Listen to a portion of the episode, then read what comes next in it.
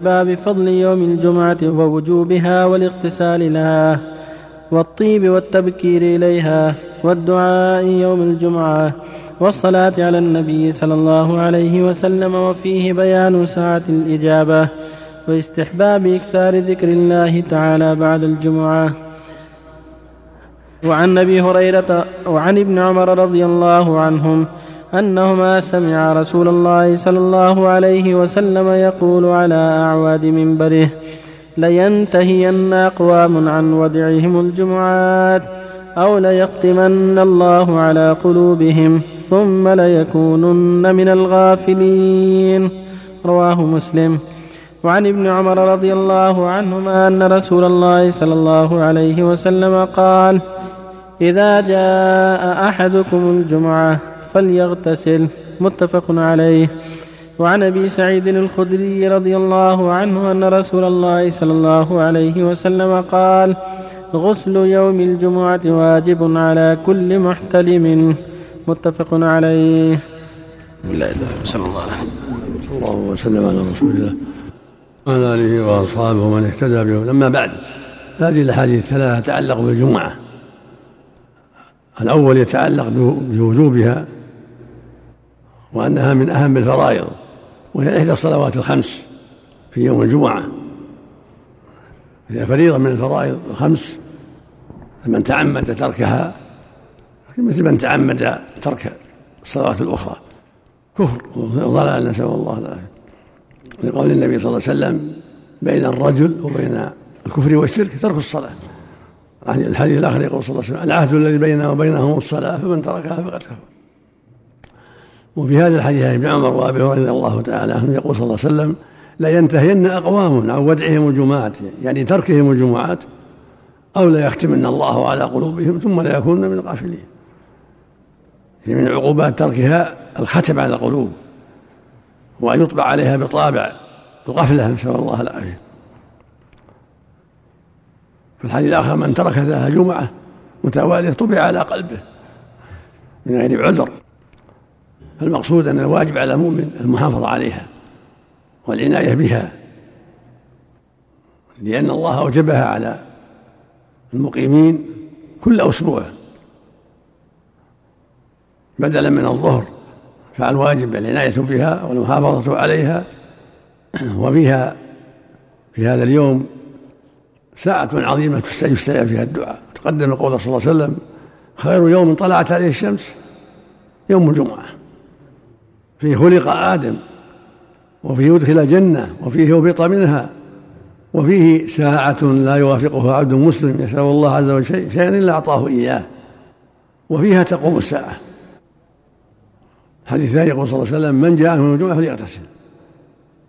من جاء الجمعة فليغتسل. الفصل الآخر غسل الجمعة واجب على كل محتلم واجب يعني متأكد لأنه جلت الأحاديث على أنه ليس بفرض ولكنه سنة مؤكدة. ولهذا في اللفظ الآخر من توضأ يوم الجمعة؟ ثم أتى المسجد فصلى ما قدر له. ثم أنصت حتى يفرغ من خطبته. ثم صلى. مهل له ما بين الجمعة والجمعة الأخرى وثلاثة أيام. ولمن توضأ. يدل على أن الغسل ليس بواجب. في الحديث الآخر من توضأ يوم الجمعة بها ونعمت ومن اغتسل فالغسل أفضل. ولهذا قال العلماء فيه واجب متأكد مثل ما تقول العرب. حقك عليه واجب دينك عليك واجب حقك علي واجب العدة واجبة العدة دين. يتسامحون في مثل هذه العبارات المتأكدة. والسنة للمؤمن عند ذهابه للجمعة يغتسل. هذا هو الأفضل عند الذهاب. ولو اغتسل في أول النهار كفى. لكن الأفضل أن يغتسل عند مراحل الجمعة. لأن يكون أكمل يغتسل ويتطيب عند ذهابه إلى الجمعة. ثم إذا وصل المسجد صلى ما قدر الله له ركعتين أكثر أربع ست ثمان أكثر. يصلي ما يسر الله له. ليس له سنة راتبة قبلها لكن يصلي ما يسر الله له. أقل ذلك ركعتان تحية المسجد. وإذا دخل الإمام أنصت للخطبة ورعاها أراها سمعه ولم يعبث بل ينصت. ليستفيد من الخطبة لأن الخطبة موعظة للمسلمين كل جمعة. فالواجب الاستماع والإنصات والاستفادة. وعلى الإمام يتحرى الخطبة التي تناسب الحاضرين وتنفعهم في بيان ما يجب عليهم وما يحرم عليهم. وحال الاستماع لا يتكلم مع أحد ينصت. حتى ولو رأى ما يخالف الشرع يشير إشارة. لقوله صلى الله عليه وسلم إذا قلت لصاحبك أنصت يوم الجمعة والإمام يخطب فقد لغوت.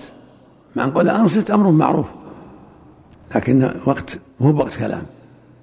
إذا رأى من يتكلم يشير إليه إشارة أن يسكت أو رأى من يعبث يشير إليه إشارة. وإذا سلم عليه أحد والإمام يخطب ترد بالإشارة. وفي بعض الروايات وصول واجب على كل محترم وأن يستاك ويتطيب هذا ما يدل على تأكد الطيب والاشتراك في هذا اليوم العظيم يوم الجمعة. وكذلك لبس الجيد الحسن من الثياب. يوم الجمعة ويوم العيد يستحب فيه الطيب والغسل واللبس الطيب من الثياب. يوم يجتمع فيه المسلمون كل أسبوع. أما النساء فليس عليهم جمعة ولا جماعة. لكن لو حضرنا الجمعة أجزأتهن عن الظهر. لو حضرنا مع الناس صلينا الجمعة من صلى الجمعة مع مع الرجال أجزأته عن الظهر. وفق الله الجميع. أحسن الله إليك يا شيخ. الإمام هل هل يستاك على المنبر قبل الخطبة؟ إذا استاك طيب أحسن. يا وإذا استاك لا بأس.